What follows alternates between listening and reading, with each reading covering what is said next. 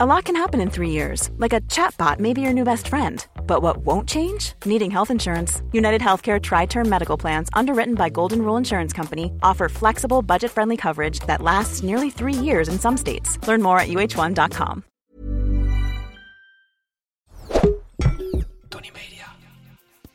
Nou, ik ben redelijk rustig en timide en gewoon redelijk zachtaardig van mezelf. Maar ik dacht dat ik dan niet leuk genoeg was. Dus ik ging dan drinken, zodat ik heel extravert werd. Dus als wij dan samen vroeger gingen, dan was het ook. Dan zei Daf op een gegeven moment, nou, nou is leuk geweest. En dan dacht ik, waar is het volgende feestje? Ja. Ik weet niet hoe dat voor alle programma's zit, maar de meeste programma's die geven een maand lang nog eh, een psycholoog ter beschikking. Maar dat moet je op eigen initiatief doen. Alleen die nasleep begint veel later pas.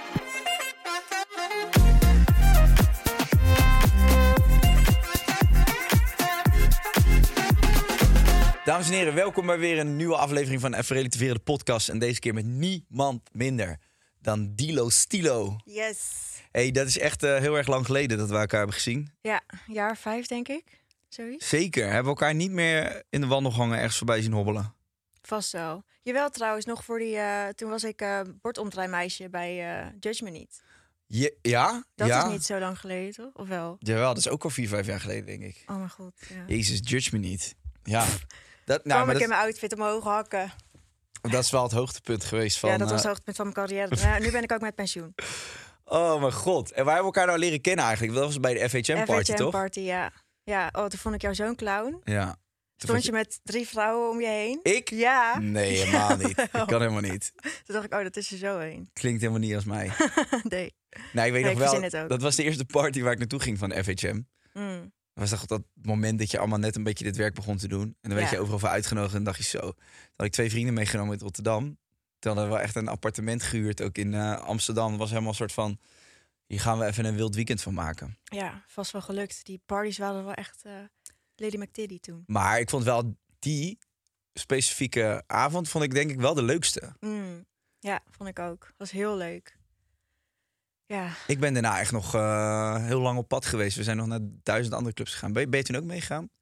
We zijn weet toch ik e- niet. Ja, soort gaat er waarschijnlijk. Maakt eigenlijk ook helemaal niet meer uit, joh. Zijn van die Was wel langer. oude koeien die je dan uit de sloot had. Weet Ja. je nog, toen we echt vet hem gingen? Ja, hey, daarover gesproken, Dido. Je, je bent helemaal gestopt met drinken nu, hè? ja klopt. Hoe Oh, voel je? Ja, goed. Echt, eh, ik denk wel echt een van de beste besluiten geweest van mijn leven. Ja, hè? Ik moet Ja. ook zeggen, je ziet er echt heel goed uit. Thanks. Maar Ja. alsof je echt gewoon een soort van... Je hebt gewoon een frisse blik. Ik ben ook meer hier. Ik ben echt... Pas als je stopt met drinken, besef je wat voor invloed het heeft op je hele leven. Ja. En ik dacht ook niet per se toen ik erin zat van... oh, ik heb hier echt een probleem mee of zo. Dat praat je zelf dan aan dat het allemaal normaal gedrag is. Mhm. Maar ehm, ja, nu merk ik pas echt wat voor verschil het heeft gemaakt. Ik was gewoon echt een andere persoon. ja. Kun je dat verschil even benoemen? Ehm, ja, het is sowieso. Ik, was, ik kwam net uit mijn depressie toen ik echt begon met stevig drinken. Ja. En eh, dan hou je jezelf eigenlijk gewoon ziek. Ik had ook een burn-out. En dan drink je in de weekenden keiveel. En het was niet alsof ik door de week heel veel dronk. En dan ben je gewoon de hele week daarna ben je niks waard. Komt er niks uit je vingers en dan word je nog depressiever van. Ja. oh shit, zie je wel, ik ben niks waard. En nou, nu ben ik een jaar gestopt. En in het jaar is er zoveel positief veranderd. Ja. Ik heb mijn studie eindelijk gehaald na bijna tien jaar. En mijn podcast gelanceerd. Ik ben nu op reis geweest naar Kaapstad. Ben gisteren terug geland. Dus, ehm, en ik voel me gewoon blij. Ik, eh, ik ben aanwezig. Ja. En ik durf ook weer gewoon te dromen. En het lukt me ook om die doelen te behalen. En dat geeft gewoon een heel goed gevoel. En dat had ik niet gekund als ik nog dronk. Ja, dus eigenlijk als je drinkt en zeker stevig in het weekend, dan ben je eigenlijk de hele week ben je bezig met bijkomen van, van dat weekend. En je lichaam is zich op allerlei manieren aan het herstellen, je lever, je hersenen, alles. Ja. En als je er dus heel veel last van hebt, had, je, had, had jij heel erg last van hele heftige katers? Nee, de katers fysiek vielen wel mee. Het was vooral mentaal dat ik echt... Ja. Ik schaamde me vooral heel erg. Want ik werd een heel ander persoon als ik dronk. Eh, en Wat was ik, het grootste verschil? Nou, ik ben redelijk rustig en timide en gewoon redelijk zachtaardig van mezelf. Maar ik dacht dat ik dan niet leuk genoeg was. Dus ik ging dan drinken, zodat ik heel extravert werd. En eh, met iedereen contact durfde te maken, want dat durfde ik niet eh, nuchter. Hmm. En ehm, dat ik dan pas leuk gevonden werd. En toen zei op een gegeven moment mijn beste vriendin tegen mij... Dee, ik vind jou echt niet leuk als je drinkt. En toen dacht ik, shit, dit is precies het tegenovergestelde van wat ik bedoelde te Ja. Dus toen ben ik voor het eerst gaan nadenken van, eh, ben je eigenlijk aan het doen?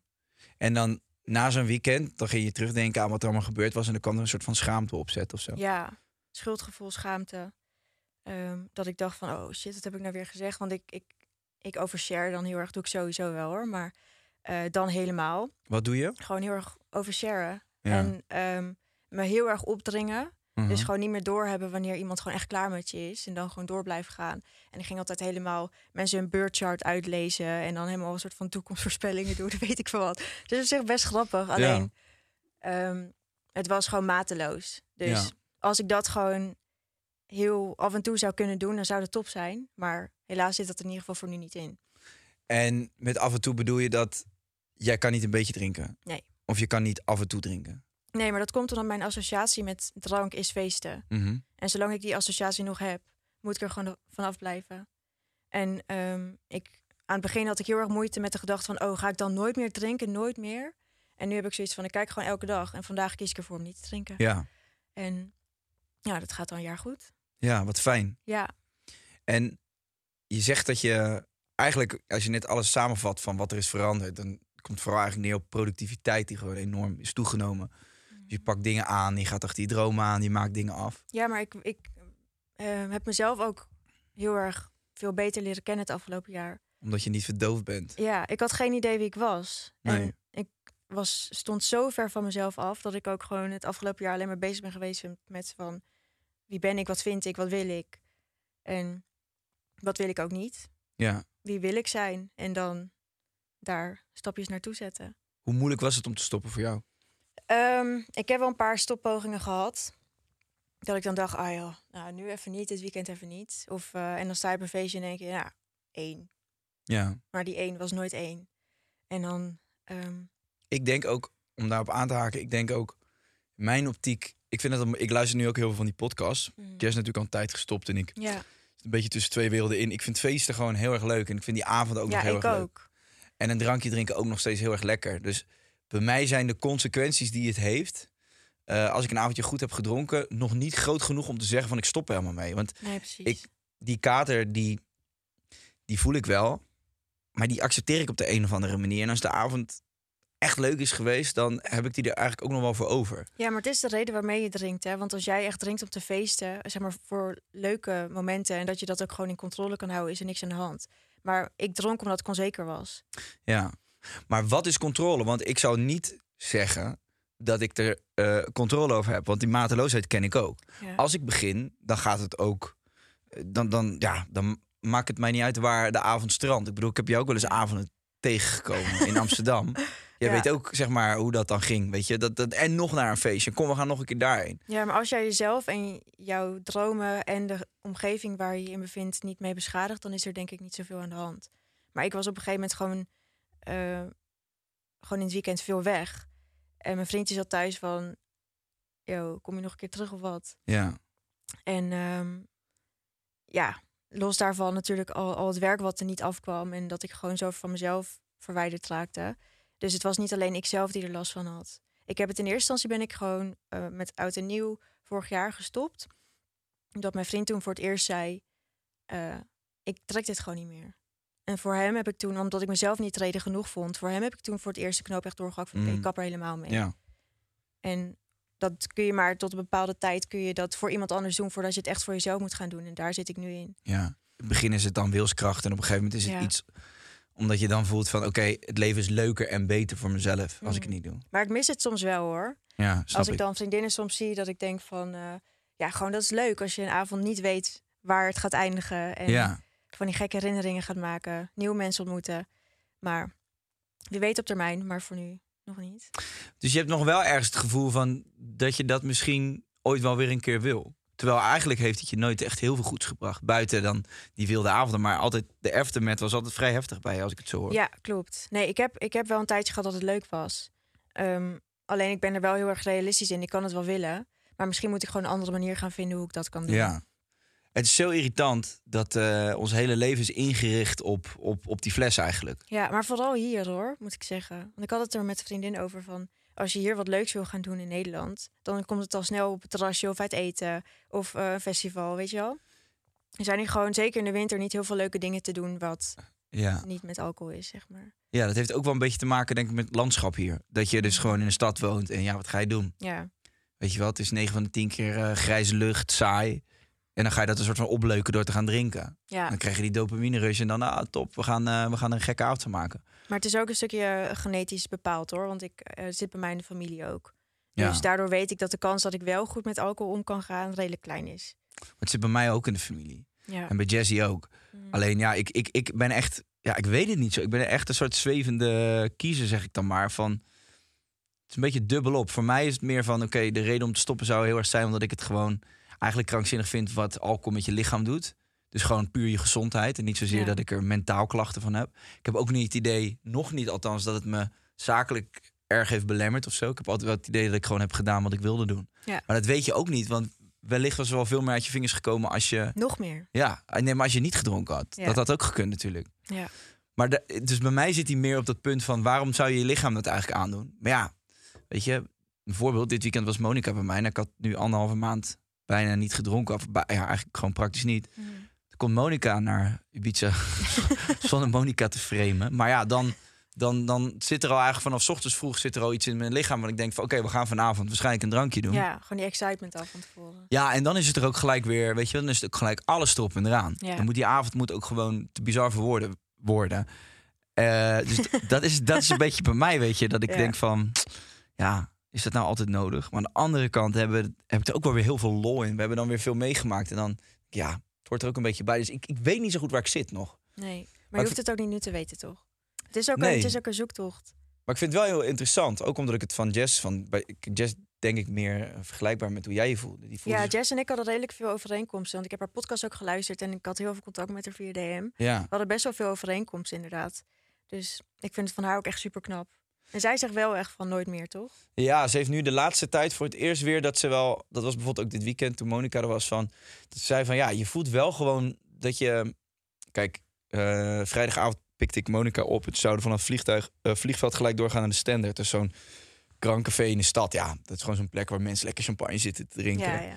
En eh Jess was heel erg moe, dus die had die eerste avond geskipt. Mm. Toen zei ze wel, ja, dan lig ik s'avonds wel in bed. En denk ik, ja, wat zij nu aan het doen zijn, dat ga ik dan nooit meer hebben of ervaren. ja. Dus ze zei, ja, ik vind het wel lastig. En dan komt er wel, dan gaat er wel zo'n stemmetje in me af van... Ja, ik wil ook iets doen wat stout is. Of ik wil ook Ja, ik avontuur. dit. Ja. en dat is het vooral. Dat je dus het gevoel hebt dat je leeft op het moment dat je iets slechts doet. ja. Je hebt het gevoel dat je wat mist. En het is, wat ik vooral moeilijk vind nog, is het gevoel dat je anders bent. Ja, Dat je anders in elkaar zit. En dat je gewoon niet mee kan doen met de rest. En ehm, weet je wat het is? Wat Jess waarschijnlijk ook heeft. Ze wil wel mee. Alleen je weet gewoon dat je moe bent. Want als je niet drinkt, dan ben je om tien uur gewoon moe. klopt. En dan is het ook niet gezellig om mee te gaan. Ja, wij gingen naar Barcelona met z'n tweeën. Mm. En dat was in de maand eh, januari en toen dronk ik niet. En zij was jarig. Nou ja, normaal ga je naar Barcelona. Het eerste wat ik zou doen is restaurants reserveren... en dan kijken waar zit een goede wijnbar of wat dan ook. Ja, Nu hadden we wel een heel tof restaurant gereserveerd, maar niet gedronken. En gewoon alsnog een topdag gehad. Maar wij gingen gewoon om acht uur naar bed. en dan ben je in Barcelona. Maar we hadden een mooi hotel. En toen zei ik ook tegen Tess, van, eigenlijk ook wel vet. Want we maken nu veel meer gebruik van dit hotel dan normaal.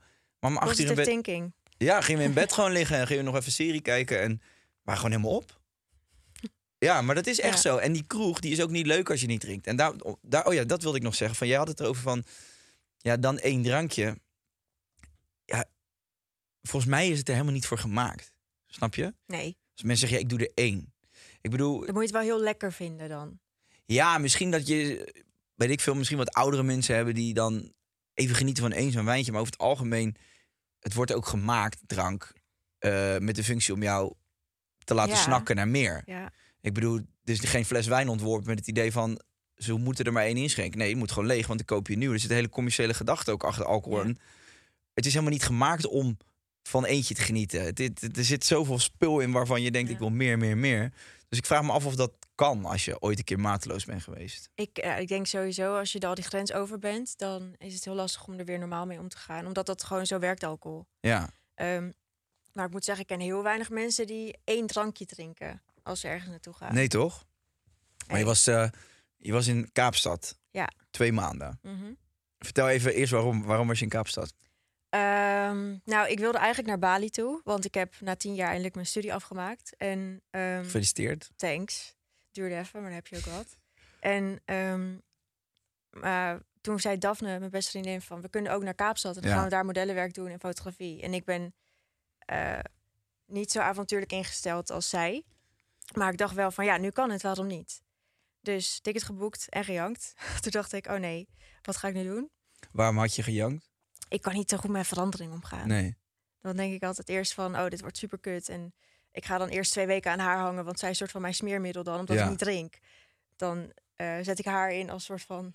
En zij jij wel. Ja, maak jij contact en dan kom ik er wel bij of zo. Ja. Maar dat viel uiteindelijk heel erg mee. En we hebben daar dan, ehm, ja, ik ben weer daar begonnen met modellenwerk, want daar ben ik vier jaar geleden eigenlijk mee gestopt.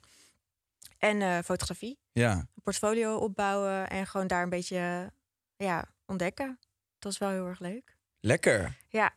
En heb je er daar heel veel moeite mee gehad dat je daar niet drinkt? Want Kaapstad is natuurlijk ook een plek waar De wijnen, ja. wijnen en eh, veel meer jonge mensen, mensen die van het leven aan het genieten zijn. Ja, heel Amsterdam zat daar. Ja, precies. normaal. Hoe was dat om daar niet te drinken op die plek? Heb je het heel moeilijk gehad? Nee, ik ben er eigenlijk wel een beetje voorbij, ook dat ik het heel erg moeilijk vind. Ik vond het alleen af en toe jammer dat ik bijvoorbeeld niet naar zo'n wijnproeverij kon gaan. Ja. Dat lijkt me dan dus gewoon super leuk als je daar bent om dat dan mee te maken. Ehm, en voor de rest eigenlijk niet. Ben je wel nog uit geweest? Nee, ook niet. Ja, ik ben naar één festival geweest, was wel leuk. Ja. Ehm, maar nee, voor de rest, we waren zo druk ook met model staan en fotograferen, dat we gewoon om tien uur naar bed gingen. Ja. En dat was dan ook gewoon prima. Dus ik had, dat, ik had niet het gevoel dat ik echt wat miste. Behalve dus die kleine momentjes dat je denkt van... oh, ik zou nu graag wel gewoon mee willen naar het restaurant. Want ik was dan moe. En dan dacht ik, ja, nu ga ik daar niet nuchter zitten. En is Daphne iemand die er eentje kan drinken? Ja, Ja? dat is er zo één. Ja. Maar die kan heel goed ook zeg maar, ervoor kiezen om eh, wel een hele leuke avond te hebben. Maar die kan dan ook op een gegeven moment zeggen, nou is het klaar. Ja. En eh, ik niet. Ja. Dus als wij dan samen vroeger gingen, dan was het ook... dan zei Daf op een gegeven moment, nou, nou is het leuk geweest. En dan dacht ik, waar is het volgende feestje? Ja. Dus ja, daar ben ik wel eens jaloers op hoor. Het lijkt me gewoon zo chill als je dan gewoon lekker een wijntje kan drinken, er echt van kan genieten en niet gelijk denkt volgende fles open. Hmm. Ik vind het wel heel knap van je. eh, dat je het eh, ten eerste dat je het bent aangegaan en ook dat je eerlijk bent naar jezelf. Want ik denk dat heel veel mensen heel veel dingen herkennen, Eh, maar ook wel een soort van weglopen van een verantwoordelijkheid. Ja, Ik zat van de week zat ik er een te luisteren, een podcast van een, van een kinderarts. Ja. Die vertelde over de effecten van drank op kinderen en hoe ouders daarmee omgaan en hoe vroeg kinderen eigenlijk beginnen te drinken vanaf hun 14e, 15e. Mm. Het is echt gekke werk eigenlijk. En die, zeg maar, die realisatie begint wel steeds meer in te dalen. Eh, en ook wel meer dat je steeds meer na gaat denken over jezelf. Van ja, wat zijn we eigenlijk aan het doen? Dus ik vind het ook, ik, ik ben echt een soort van eh tweestrijd wel ermee. Maar had jij moeite dan afgelopen maand om niet te drinken? Nee, eigenlijk niet. Maar ja, dan zit je ook wel weer een beetje in zo'n zo'n vibe van het is eh, januari en dan, weet je wel, dan zet ik mijn schouders eronder en dan ben ik Ja. heel van het sporten en Ja. dan lukt het me wel. En toen heb ik hem ook nog volgens mij iets van twee weken een beetje half doorgetrokken. Half. Hoe trek je iets half door? Ja, niet eigenlijk. Dus dan, ik, ik had dan één keer, nee, maar één keer gedronken of zo. Maar dat ik een paar Ja. avonden nog zoiets had van... dat ik ergens voor werd uitgenodigd. Dat ik dacht van, hm, nee, ik vind het eigenlijk wel lekker om daar even niet nog naartoe te gaan. Eh, dus ik had niet gelijk dat ik op de 31ste dacht van, oh, ik moet nu weer. En nu zit ik er, ja, nu zit ik een beetje zo tussenin of zo. Hmm. Twijfel een beetje wat ik ermee aan moet. Maar ehm, Nou, ik ben benieuwd wat je gaat doen. ja, Maar wel chill dat je het in ieder geval gewoon kan. Dat laat toch een bepaalde controle zien, toch? ja, maar ik vind... maar ik heb je dan wel de hele tijd dat het in je hoofd zit? Van, oh, ik zou nu eigenlijk wel... Of, of anders had ik niet gedronken. Nee, ik heb sowieso mijn hele leven eigenlijk alleen eh, voor dat weekend geleefd. Dus ik kan door de week kan ik echt heel makkelijk zonder, weet je. Dat zit Ja. gewoon, dat zit, zo ben ik dus geprogrammeerd. Ja, Maar dat is dus ook wat je zelf aanleert. Jess en ik hebben nooit gehad dat wij thuis door de week een fles wijn opentrokken. Komt het weekend, dan merk ik wel echt, als die vrijdag om de hoek komt kijken, Ja. dan, dan vliegt er iets door mijn lijf heen en dan, dan wil ik losbreken of zo. Mm. Ehm, dus dat heb, dat heb ik wel. Dat ik dan die vrijdag denk. En weet je wat ik ook had? Ik heb mezelf dus aangeleerd dat, dat er aan het eind van de dag altijd een soort beloning staat te wachten. Dus of ik moet dan iets bijzonders eten waarvan ik echt, waar ik echt heel blij van word. Eh, of seks, of eh, ik moet nog iets leuks gaan doen, Ja, of eh, ik een drankje drinken. Of... Maar er moet iets aan het eind van die avond zitten wat als een soort van strik over dat cadeautje heen gaat. ja, ja, ja. ja. En ik merk dus als je dus echt ja, je voorneemt om gewoon veel te gaan sporten en dat allemaal niet meer te doen, dat je dan zoekt naar iets. En ik denk ook dat dat, zeg maar, dat drankje drinken is er zo ingehamerd dat je weet van oké, die vrijdag, dan, dan is er s'avonds een soort beloning. Ja. En dat ik dat misschien het moeilijkste vond. Dat het een beetje een soort onwennig was van ja, en dan nu? Wat doe ik dan nu met die vrijdagavond? Ja, Ja. Dat, hoe, hoe, hoe pak jij dat aan dan? Wat, wat is voor jou nu de vervanging geworden? Ehm, ja, ik moet zeggen dat ik dat, dat ik dat nog steeds wel lastig vind. Ja, Ehm, in het weekend van ja, wat ga je dan doen? Want ik voel me wel vaak eenzaam, moet ik zeggen. Sowieso zitten al mijn vrienden in Amsterdam en ik Mm. zit in Amersfoort. Ehm, maar het is gewoon wel zo. Ik zie iedereen eh, op het terras zitten, samen feesten, weet ik veel wat. En ik doe dat gewoon niet meer. nee. Dus dan, dat moet, ja, dan moet ik zeggen, dat blijft gewoon wel lastig. Eh, en het is dan nu dat ik gelukkig genoeg te doen heb, wat ik ook leuk vind, met mijn fotografie en mijn serie. Dat, ja, of dat, of ik kijk Netflix, weet ik veel. Ja, Dat is dan, eh, ook weer een verslaving. ja, ja echt. Je Maar je gaat echt meer. het ene gat met het andere gat opvullen. Ja, klopt. Ben je veel gaan eten ook? ja, Ja? ja.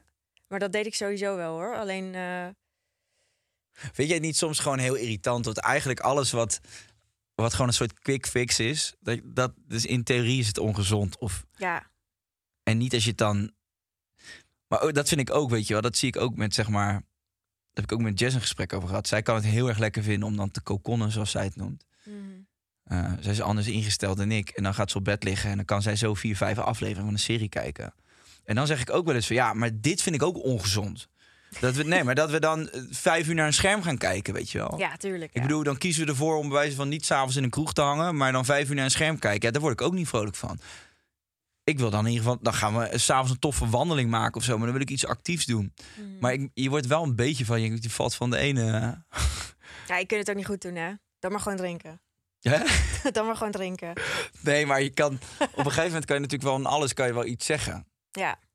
Ja, het is ook zo. Maar waarom, waarom, waarom, waarom is dat? Waarom is alles wat, we, wat, wat in theorie slecht voor ons is, is iets waar we naar snakken? Ja, weet ik veel. Ja, leg jij het nou eens uit, Ja. eh, Dilo. Jij drinkt al een jaar niet meer. Ja, ik heb het ei uitgevonden. Schrijf jij er eens een boek over? Ja. ja, ik ben bezig. Hey, Nee, ik weet het niet, maar ik vind het ook vervelend. ja. Het is ook gewoon, Heb je wel het idee dat veel mensen ermee bezig zijn? ja, heel veel. En ehm, ik vind het ook superleuk dat ik, ik krijg best wel veel DM's nu, dat mensen zeggen van, eh, oh, je hebt me geïnspireerd Ja. om dat te doen. Dat is wel vet. En ik vind het ook heel erg goed dat, ehm, het is een beetje echt een tweedeling, denk ik, in, ehm, bij de jeugd nu. Mensen van mijn leeftijd ook. Of je hebt mensen die zo ziek veel feesten, gebruiken, drinken.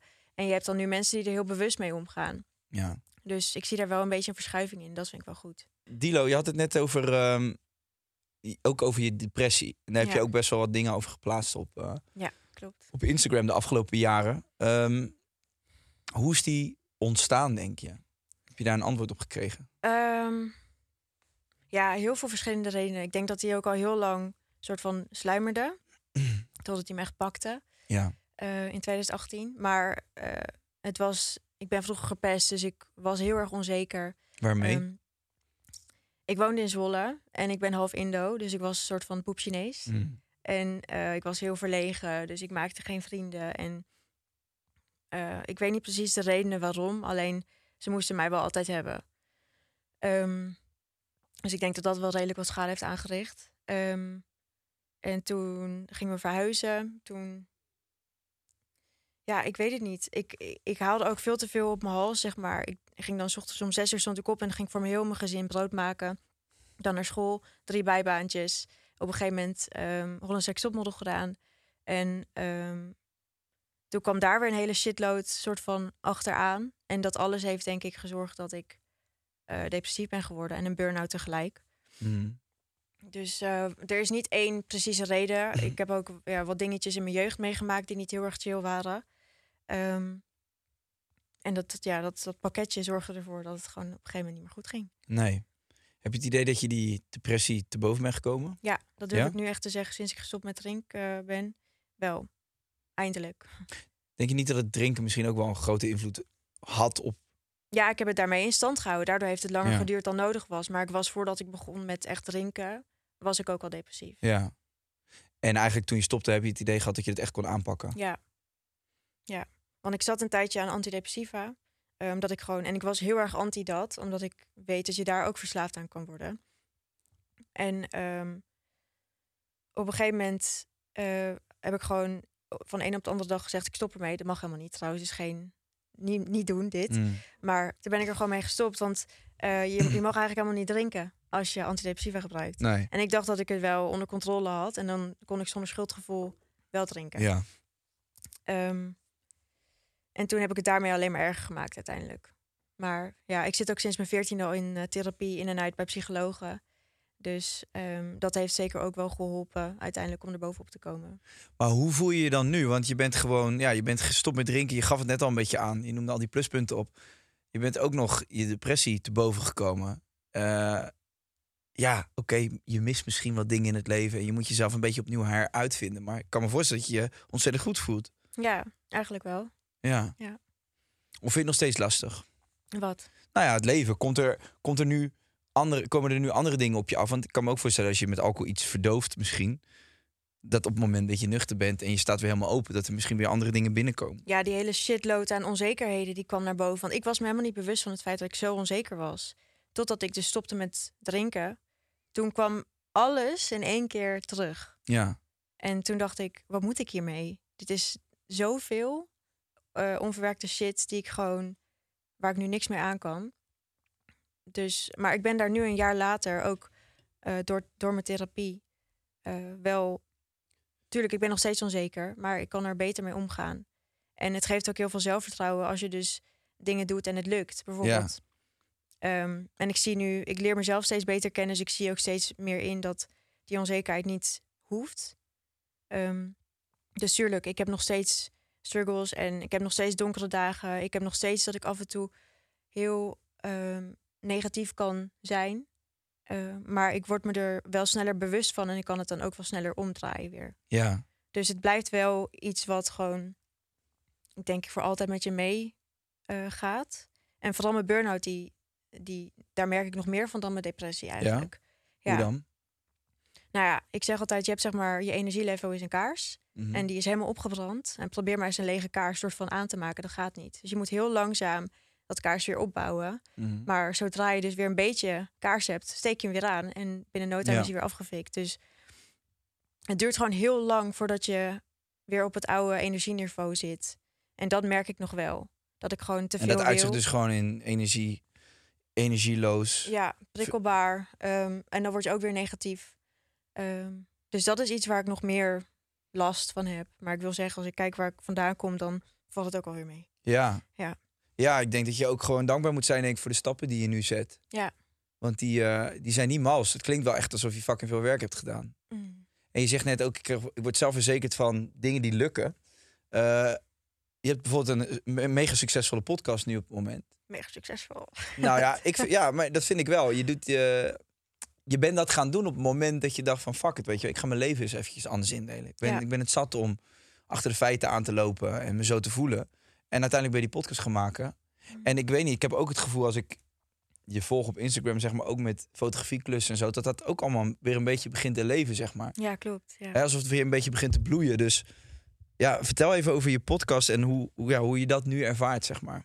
Ehm, het was dus mijn afstudeeropdracht. Maar ik had het idee al veel eerder. Omdat ik zelf natuurlijk mee heb gedaan aan reality tv. Mm. Ja, want vertel even voor de mensen die niet weten wat het eh, idee is van je podcast. Eh, en dan gaat het over de mentale nasleep van het participeren in reality tv. Ja, En ik heb zelf toen ik 16 was aan Hollands Next Topmodel meegedaan. En dat was grotendeels heel leuk, maar ehm, de nasleep van je deelname, die is redelijk pittig. Was het in ieder geval voor mij. En ik hoorde dat van andere mensen die mee hadden gedaan aan andere programma's ook heel vaak hetzelfde verhaal. ja, Ehm, dus toen dacht ik, ik moet daar wat mee. Want zeker nu, reality tv is zo booming. Iedereen kijkt het, iedereen wil meedoen. En je ziet natuurlijk ook dat heel veel mensen krijgen er een soort van instant fame van. ja. En dat lijkt heel leuk. Maar eh, je bent een jaartje relevant en daarna kent niemand je meer. En om daarmee om te gaan, zie ik dat heel veel mensen er wel last van hebben. Dus daardoor wilde ik het ook maken voor, eh, voor de reality tv-kijker ook. Van, wij gaan alleen aan op sensatie-tv. Waarom is dat? Kijk even naar je eigen kijkgedrag. Maar ook voor aspirant-deelnemers van... eh, weet, weet waar je ja tegen zegt. Ja. Want het lijkt allemaal leuk, maar hoor deze verhalen. Het kan ook eh, mindere kanten hebben. Ja. En ehm, ja, zodoende eigenlijk. En het wordt inderdaad heel goed ontvangen. En ik heb het nooit, ik heb nooit met de intentie gemaakt om, om of gedacht dat het zo groot zou worden, zeg maar. Ik dacht gewoon, ik vind het een belangrijk verhaal en ik vind dat mensen dit moeten weten. En ehm, nu is het uitgegroeid naar iets veel groters. Ja, te gek. Dus ja, En ik vind het sowieso interessant, want de kandidaten die bij jou langskomen, die zitten in programma's die ik presenteer. ja dat ja. Tenminste, soms. En ik vind het wel, ja, ik vind het een goed onderwerp. Want ik vraag me als host ook toch vaak af bij kandidaten van, weet je nou eigenlijk waar je aan begint? Nou ja, want ik was inderdaad ook benieuwd van hoe, hoe zie jij dat? Ja. Nou ja, ik denk daar ook ve- veel over na. Ve- Veel, wel veel meer dan voorheen. Omdat voorheen werden die gesprekken überhaupt niet echt gevoerd. Nee. En was dat ook nog niet zo. eh, ja, dan was dat ook nog niet zo'n topic of zo. Omdat je. Maar op een gegeven moment, eh, laten we een programma als Temptation Island nemen. Daar werd op een gegeven moment. eh, was dat één seizoen. Dat was op televisie. Dat was één keer per jaar. Ja, Nou, toen heb je dat ene krankzinnige seizoen gehad met. eh, met die Marijn en Lisa. En volgens Ja. mij Pommelien en Fabrice. Dat was toen. Volgens mij was dat de terugkomst van Temptation Island op televisie. Ja, dat was een mega hype. ja, En dat werd zo goed bekeken. En toen vanaf dat moment wilde iedereen meedoen. En toen kwam er natuurlijk een Videoland-versie. En toen zelfs twee versies en een VIP-versie. En volgens mij had je op een gegeven moment drie seizoenen per jaar. ja, letterlijk. Ja. En dan gaat het natuurlijk... Dan, dan de hoeveelheid kandidaten die daar weer uitstromen... en daar dan eh, over gaan vertellen... en vertellen wat het met ze doet. Dat werd natuurlijk steeds meer. En het is niet alleen dat specifieke genre. Hè, want dan heb je nog Ex on the Beach en Love Island. eh, Noem het allemaal maar op. ja, Maar je ziet het ook eigenlijk steeds meer bij bijvoorbeeld een programma als Expeditie Robinson. Waar mensen aan meedoen die, eh, die al enigszins bekend zijn. Maar die ook echt onderschatten wat meedoen aan zo'n programma eigenlijk doet. En ik heb er zelf ook als kandidaat aan meegedaan.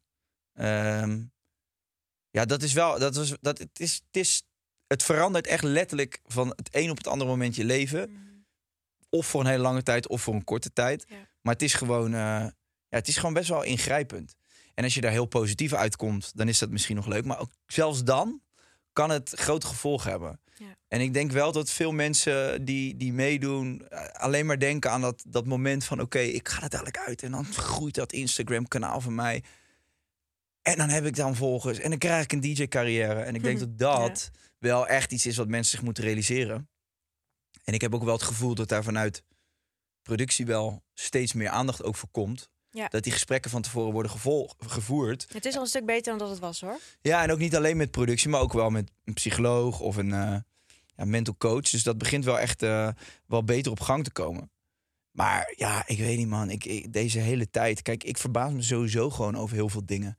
Over, over Twitter en, en de negativiteit. Ja. En die, die, die, gewoon die heftige energie die die kan hangen online, weet je. Dat, Mhm. eh, dat is natuurlijk gewoon een veel breder probleem in, in de maatschappij. ja. Ehm, ja, het is, het is heftig. Ik, ik weet ook niet wat het is. Ik weet ook niet waarom mensen het zo prettig vinden om iemand anders te zien falen. Of eh, om een mening te ventileren online eh, over iemand anders. Zeg maar, de slechtste kant van een mens komt gewoon tevoorschijn op het moment dat iemand veilig achter een telefoonschermpje zit. Ja. Dat is echt triest. Ja, hoe ga je dat, hoe ga je dat tegen? Weet je wel, hoe ga je dat stoppen? Ik, eh, ik, Ja, we- ik ik, weet weet het niet zo goed. Ik weet het niet. Ik denk ook niet dat dat per se snel zal veranderen. Eh, ik heb juist het idee dat het alleen maar erger wordt. Ook als je kijkt naar TikTok.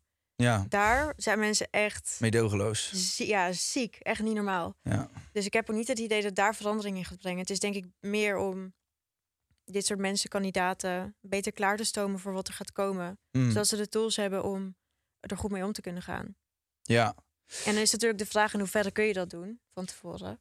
Maar ik denk dat er wel wat winst te behalen valt nog. Je zei net ook al wat interessants over van... als kijker wil je sensatie zien. Ja, Deze programma's leven bij de gratie van sensatie, weet je wel. Mhm. Dat is gewoon een feit. En iedere kijker die zegt dat het niet zo is, is hypocriet. Want je wacht gewoon dat er iets misgaat of dat iemand zichzelf ja verlult. zeker bij een Temptation Island. Ja. Ja, dat, daar, is het, daar is het format op gebouwd. ja, maar ik las ook een artikel over eh, kandidaten van eh Married at First Sight van vorig seizoen. Die was één gozer die werd helemaal kapot gemaakt op Twitter. En echt gewoon bedreigd en Ja, de meest krankzinnige dingen. Eh, dus dat, dat, het, het vloeit gewoon overal naartoe. En iedereen wordt bedreigd op het moment. En allemaal gekkigheid. Maar er zit gewoon iets in de mens dat we dat graag zien of zo. Dat iemand anders faalt of dat we ons kunnen irriteren aan iemand, zodat wij zelf op de bank het gevoel hebben van, zie je wel. Ja, ik heb daar gaat voor het mijn, eh, voor mijn onderzoek ja, toen ook een artikel over gelezen, wat onderzoeken naar van gelezen. Dat het zit gewoon in de mens, zeg maar. Waarom mensen reality tv kijken is eh, om zichzelf beter te voelen. Eh, een stukje voyeurisme, dus om dingen te zien die je anders nooit zou zien. Ja, Maar het, is vooral, het zijn vooral hoogopgeleide mensen ehm, die kijken naar mensen die ze onder zichzelf vinden staan en dan zeggen van, oh, dat zou ik Precies. doen. Dus ja. het is, het is eh, eigenlijk altijd gaan we aan op sensatie, omdat we dan een stukje leedvermaak vinden we leuk, blijkbaar. En dan kunnen zeggen van, oh, dat zou mij nooit overkomen. Maar dat zie je dus ook, want elk jaar zijn er weer nieuwe koppels bij Temptation Island die allemaal zeggen, oh, mij gebeurt dat niet. Dat zegt iedereen. Ja. Maar toch gaat het altijd fout. klopt. Dus het is een stukje arrogantie, denk ik ook, eh, wat dat betreft. Maar als je concludeert dat het in de mens zit, dan is de vraag, kan het eruit? Ik weet niet of het eruit kan. Maar ik denk dat waarom ik en dan maak, is ook om aspirant deelnemers te laten zien van oké, maak wel een weloverwogen besluit. Ja, Of jij dit aan kan of niet. Want Ja. dat kun je niet doen als er van tevoren geen informatie beschikbaar is, snap je? Mhm. Dus eh, ja, daarom maak ik het. ja. Weet waar je ja tegen zegt. En waar, wat, wat, is, wat is de conclusie? Waar ben je achter gekomen nadat je al die mensen hebt geïnterviewd? Ehm, dat hoe zwaar ze het ook hebben gehad, dat de meeste mensen geen spijt hebben. Dat vond ik heel interessant. Mm. Omdat ze er uiteindelijk ook heel veel uit hebben gehaald, maar vooral ook heel veel over zichzelf hebben geleerd. Ja, Ehm, en dat vind ik wel interessant. Maar ook dat heel veel mensen eh, de spotlight soort van hebben opgezocht en daarna toch er weer- weer voor kiezen om ja. er weer bij weg te gaan. Ja, Dat hè? is ook interessant. ja, dat klopt. Dat je in eerste instantie denkt van als ik dat bereik, dan, dan is mijn leven vervuld. En op het moment dat je erin staat en niet alles positief is, Nee, denk je van weg tegen. hier.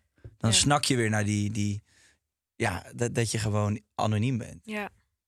Ja, en ik, ze zeggen ook allemaal wel van ik had wel graag wat meer begeleiding gehad nadien. Want ehm, ik weet niet hoe dat voor alle programma's zit, maar de meeste programma's die geven een maand lang nog eh, een psycholoog ter beschikking. Maar dat moet je op eigen initiatief doen. Alleen die nasleep begint veel later Mm. pas. Dus Ja, het is, ja nee, ik, weet, ik weet wel vanuit andere programma's wel. eh, ik ken ook een van die kandidatenbegeleidsters heel goed.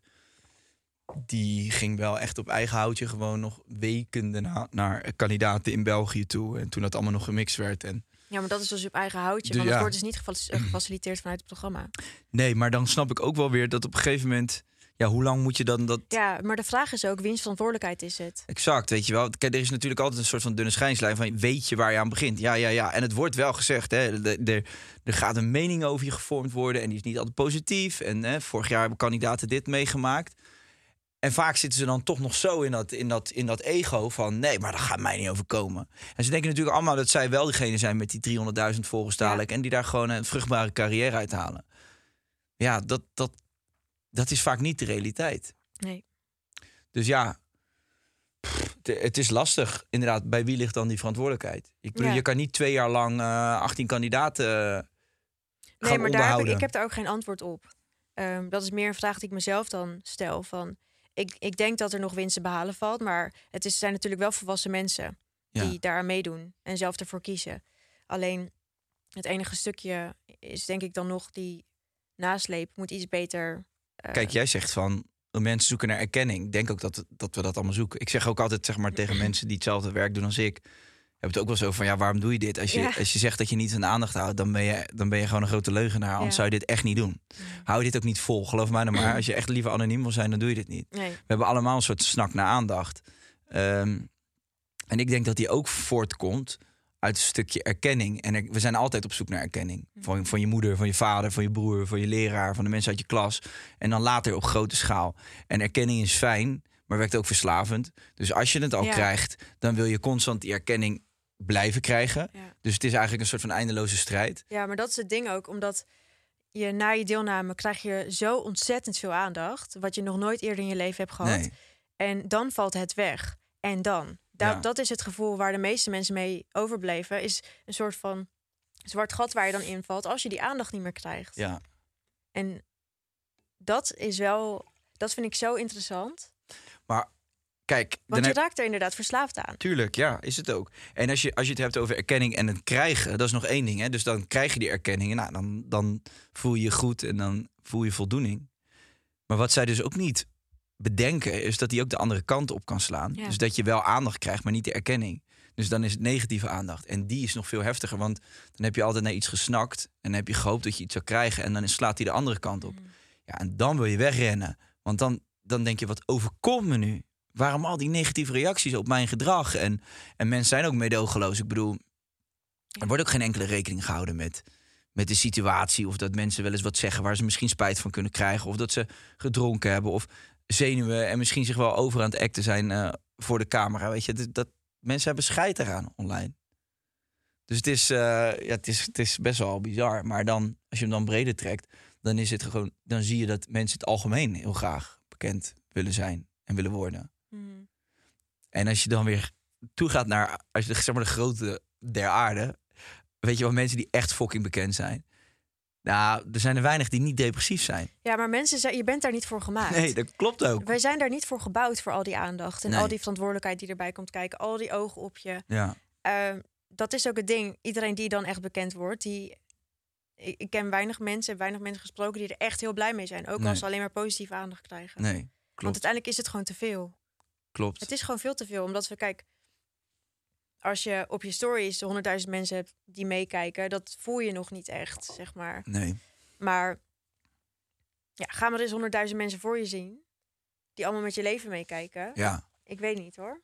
Ik, Nou ja, ik geloof gewoon niet dat het goed voor een mens kan zijn om zo'n Nee. zoveel bekendheid te hebben. Nee, ik vind het heel dubbel. Dus ik, als ik het op mezelf reflecteer. Weet je wel, ik deel ook van alles. En ik vind heel veel dingen aan social media ook echt wel heel erg leuk.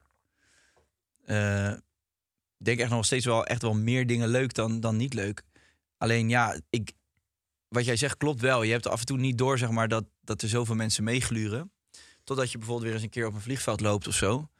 En je dan gewoon je capuchon op hebt. En dat er dan mensen naar je kijken. En dat je het gevoel hebt van, oh, ik moet nu naar ze lachen. Om dat ze anders denken van, hé, hey, weet je, op social media lijkt dat zo'n vrolijke gozer. En nu, Ja, maar zeker met die juice-kanalen tegenwoordig. Je doet het al snel verkeerd, hè? ja, nou, daar heb ik dan nog. eh, pff, weet je, als je daar allemaal aan moet gaan voldoen, eh, dan, dan, dan word je heel eenzaam oud, denk ik. Ja. Maar gewoon, je hebt wel toch altijd een beetje het idee van: oké, weet je, die mensen zien mij nu voor het eerst. En dan. Maar ik wil dan op zo'n vliegveld wil ik gewoon doorlopen naar mijn Ja. koffer snel. En ik loop al met een capuchon op. Juist omdat ik gewoon een beetje voel van. Ik, wil, ik heb helemaal geen zin in een gesprek met iemand. Nee, maar Ja, iedereen die, die denkt jou te kennen. Ja, en vooral zeg maar omdat bij mij nog allemaal een soort van jolig altijd is. Ja, Is het ook nog van, ah, dit is een jolige vent, dus ja die vindt het ook ook allemaal leuk. zijn tegen mij. En als je dan niet jolig bent, dan ben je kut. P- Precies, dus dan krijg je ook nog vaak, hey, hoe is het? En eigenlijk op een hele asociale manier. Dat Ja. je denkt van, hoezo, hoe spreek jij mij aan? Ik bedoel, ken je niet eens. Ja. Ja, maar dat is het ding. Mensen denken dat ze je kennen. En dat ze dus het recht hebben om op een bepaalde manier met je om te gaan.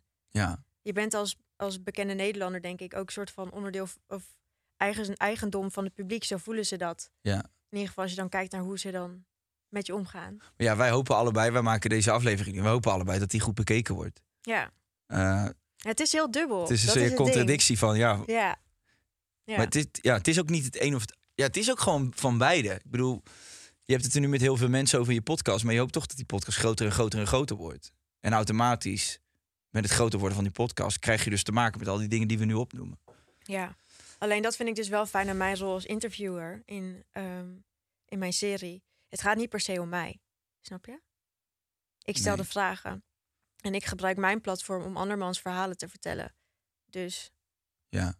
ja, Maar ja, ik kijk het toch ook voor jou. ja, dat weet ik niet. Je wordt toch op een gegeven moment het gezicht van, van een show. Dus als, als kijker ga je dan toch ook kijken omdat jij het presenteert. Ja, dat weet ik niet. Tuurlijk wel. Mag je jezelf wel gewoon wat credits vergeven. Je doet het hartstikke goed. Ja, nee, maar meer van dat is, dat is niet de insteek van, het, van de serie, is niet eh, dat mensen naar mij kijken. Snap je dat? Nee, oké, maar dat, dat is bij Expeditie Robinson ook niet. Als ik Kijken mensen voor jou, denk je? Nee, als Expeditie? ik, nee juist niet. Nee, je gaat toch niet Expeditie Robinson kijken voor de bondjes voor de mensen op de eilanden. En die, die, die lul in zijn overhemdje die dan zegt 3, 2, 1, start. Dat kan echt iedereen doen. Nee, ja, dat is toch zo? Maar ja, het is niet alsof, je, alsof ze mensen je dan niet zien. Als je het presenteert, Nee, word je nee, toch gezien. nee, tuurlijk, nee. Dat is bij Temptation ook. Ja, ik zit er niet in met, eh, met Jessie. Ik kom alleen bij het zwembad aanlopen en vragen van... en hoe was het gisteren? Wat vind jij zelf van Temptation Island? Ehm, nou, we hebben nu nog een seizoen gemaakt. Ik heb wel... Ik vraag me gewoon af hoe lang, hoe lang dit hele genre nog houdbaar is, zeg maar. Ja. In het algemeen. En niet alleen Temptation Island, maar wel dat ik gewoon denk... En misschien heeft het ook een beetje met mijn eigen leeftijd te maken... dat ik wel denk van... Ja, misschien moeten we gewoon eens even proberen om weer eh, wat nieuwe dingen te maken. Dat heb ik wel. Dus, maar dat is ook iets wat ik eerlijk heb aangegeven. Maar denk je niet dat bij Temptation Island nu ook mensen doen... een soort van Temptation Island spelen... als ze er naartoe komen?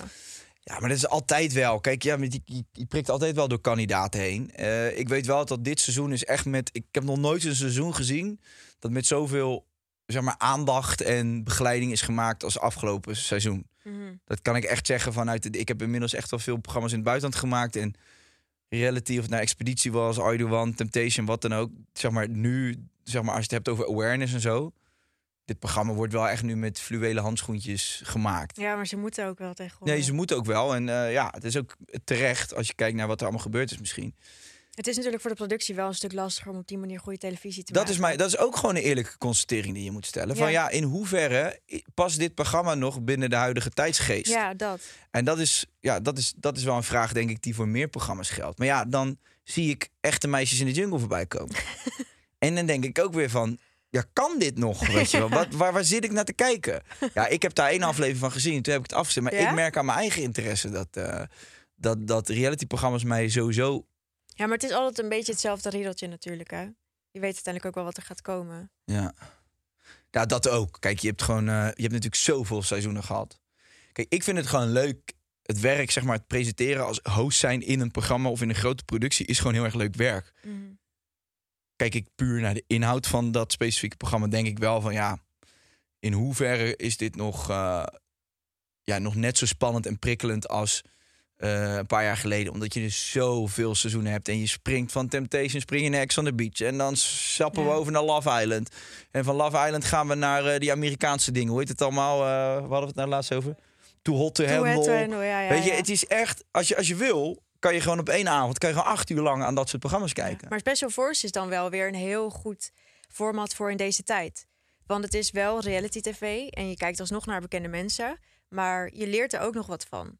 Maar daar, ik denk sowieso dat daar ligt, mijn, daar ligt veel meer van mijn interesse ook op dit moment. Ja, dat snap ik. In dat, sowieso in dat hele spectrum van eh, doorzettingsvermogen, weer, weerbaarheid, mentale gezondheid. En ik denk dat daar heel veel toffe programma's rondom te maken zijn. En dat, is ook wel, dat zijn ook wel dingen die ik nu aangeef bij bijvoorbeeld een RTL van. Weet je wel, ik vind dat, dat genre vind ik zo gruwelijk. En daar zou ik mooie programma's in willen maken. Ja. Dus ja, ik, eh, ik, denk, dat, ik denk ook wel dat, dat, dat we gaan gewoon door een soort cyclus heen. En misschien dat we afscheid nemen van een bepaald soort genres. En dat we doorgaan naar een nieuw, nieuw soort genres. Nieuw? Nieuwe. Nieuwe. Maar goed, ik, ehm, Anyways. ja, anyways. nee, maar ik ben wel, eh, ik vind het wel echt leuk om te zien dat je zo, eh, ja, je, volgens mij heb je wel echt je draai gevonden en ben je wel gewoon gas aan het geven. Wat zou je heel graag nog willen doen het komende jaar? Of ben je niet zo Ehm, ver vooruit? Nou ja, voor het eerst is wel. Ja? Ik, ik wil wel nog eh, een keer proberen te acteren. Dat lijkt me heel Ja? leuk. Ehm, maar voor de rest wil ik dit jaar vooral focussen op seizoen.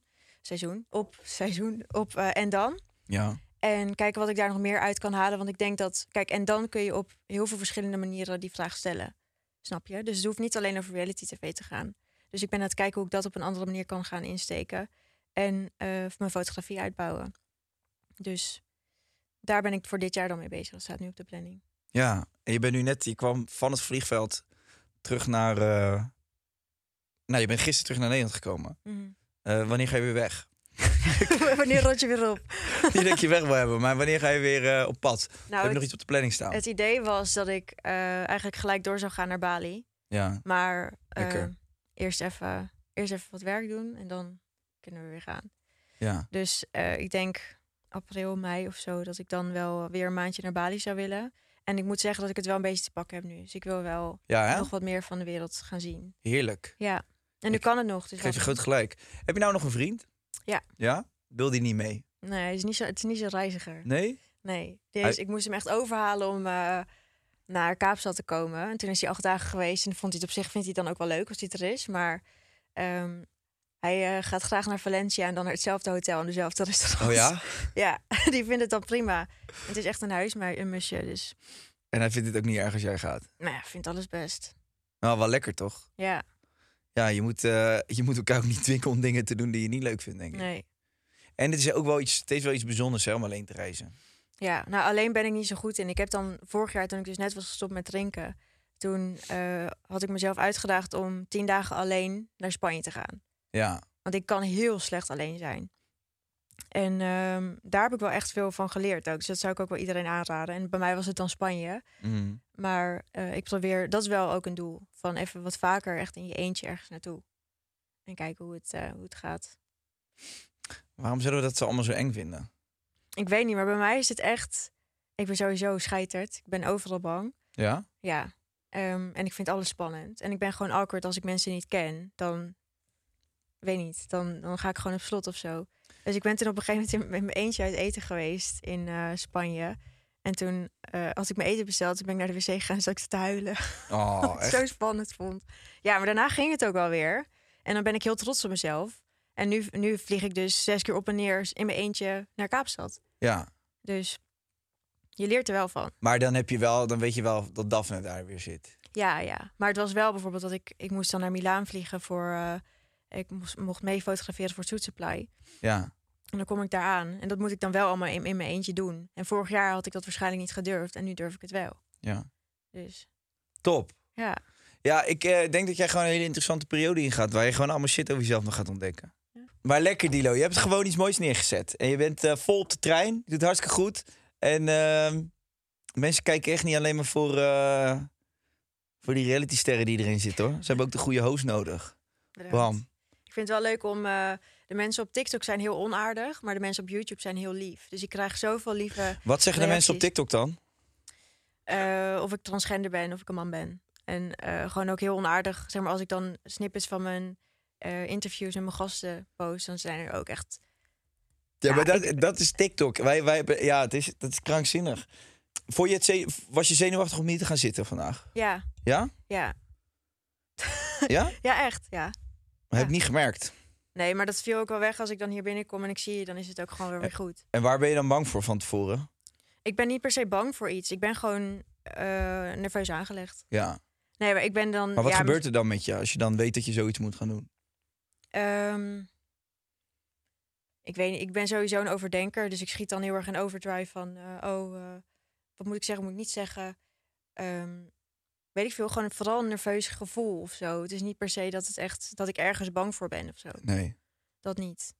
Maar Het is een beetje een onbehagelijk gevoel. Zo van, pff, als ik maar niet... eh, of, eh, ja, het is gewoon irritant. ja. Maar ik probeer nu tegen mezelf te zeggen: nee, het is excitement. ja, ja. Nee, je vindt het leuk. Je maar het valt, heel, leuk. het valt ook heel snel van je af dus. Ja, op zich wel. Als ik dan ergens ben, dan valt het ook wel mee. Ik, had het, ik was natuurlijk bij Eva Jinek uitgenodigd. Ja. maar Toen was ik zenuwachtig. Ja, snap ik. En ik, dat ging ook niet weg. Nee, nee. Ik zat aan die tafel en ik zat naast Buddy verder. En eh, ik had tegen hem gezegd, nou, ik ben wel zenuwachtig. Toen zei hij, weet je wat je moet doen? Je moet zo je vingers in je knieën duwen. En dan zo naar beneden. Dan gaat de spanning uit je lijf. Dus ik duwen, jongen. ja. die tafel. Geen tenen meer over. ging niet weg. En ehm, ik had een zieke blackout ook aan die tafel. Want ik had, ik had ingesteld op dat ik over mijn podcast zou vertellen, maar het ging over mijn eigen verhaal. Ja, Dus ik ging helemaal in de. Nee, dat ging niet lekker. nee.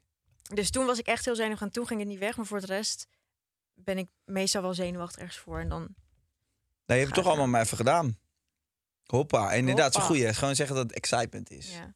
So excited. Hey, eh, mag ik je vreselijk bedanken voor je tijd Jij bedankt. en de moeite. En eh, je openhartigheid. En ik wens je heel veel succes. En eh, mag ik u vriendelijk bedanken voor het kijken, luisteren. En ehm, ja, doe maar weer wat. Hè. Als je op YouTube kijkt, eh, abonneer maar even lekker weer. Eh reageer maar even lekker hè? weer. Ja, ik vind dat zo cringe. Binge. En duimpies. Duimpje omhoog. Altijd een duimpje omhoog. Keep it positive. Sammy, wil jij nog iets verkopen? Nee? Helemaal niks? Alright. De ballen. Nou, eh, dat was hem wel. Hey, de groeten. Doei. En bedankt hè. Bedankt hè. Doei.